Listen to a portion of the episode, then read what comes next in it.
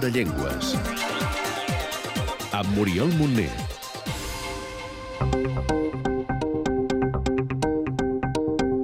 Nom. Gaèlic irlandès.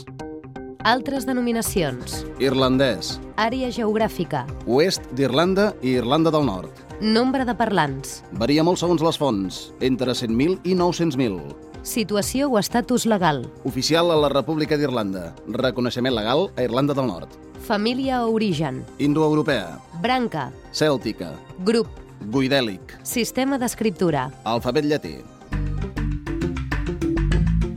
Sembla mentida, però al segle XXI, en un món globalitzat i en un país com Irlanda, amb la llengua més potent i transversal del món, l'anglès, encara hi ha lloc per altres llengües i gent que les parla.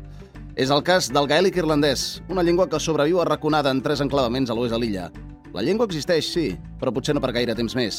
Així ho creu Michael O'Neill, professor de gaèlic irlandès. I'm not hopeful at all. No estic gens esperançat i em considero realista. Reanimar la llengua és molt difícil.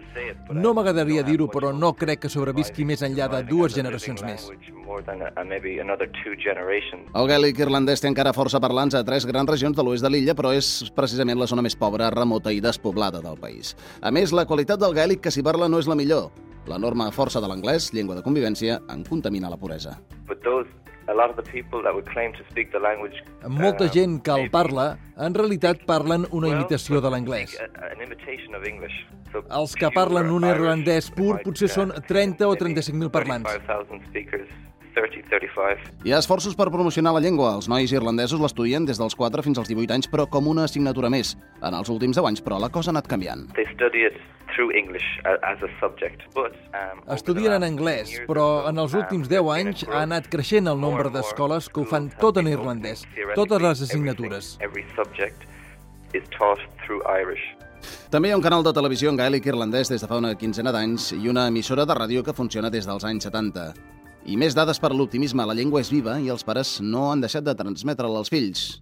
I a més hi ha un sentiment d'orgull per la llengua. Tothom en sap alguna cosa, encara que la majoria només sàpiga cançons populars o frases curtes. El gaèlic irlandès és una llengua germana del d'Escòcia i els parlants s'entenen en bona part.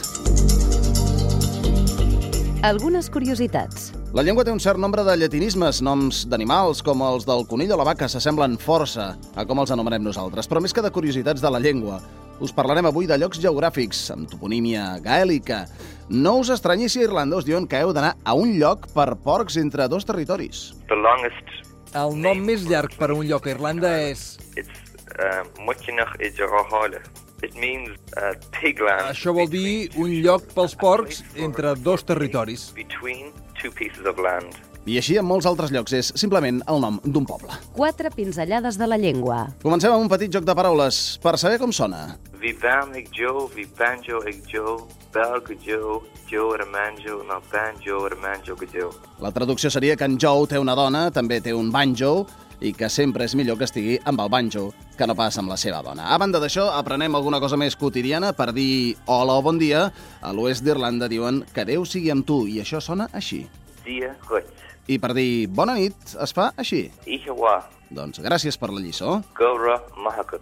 I ara, una frase més. Escolteu el programa Do de Llengües cada setmana a Catalunya Informació. Echt gach schachten teangacha an down er Catalonia Informatio. Per saber-ne més. Podeu visitar els webs linguamont.cat, etnolog.com, gela.cat i linguislist.org. I avui, vist el panorama d'aquesta petita llengua, potser s'escau més que mai que reflexionem sobre la frase amb què sempre acabem l'espai. Pensem-hi.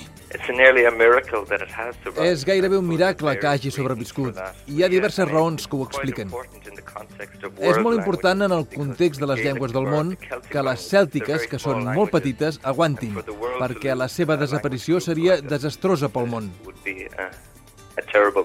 Cada cop que desapareix una llengua, perdem una manera d'entendre el món, una manera de viure'l i de descriure'l.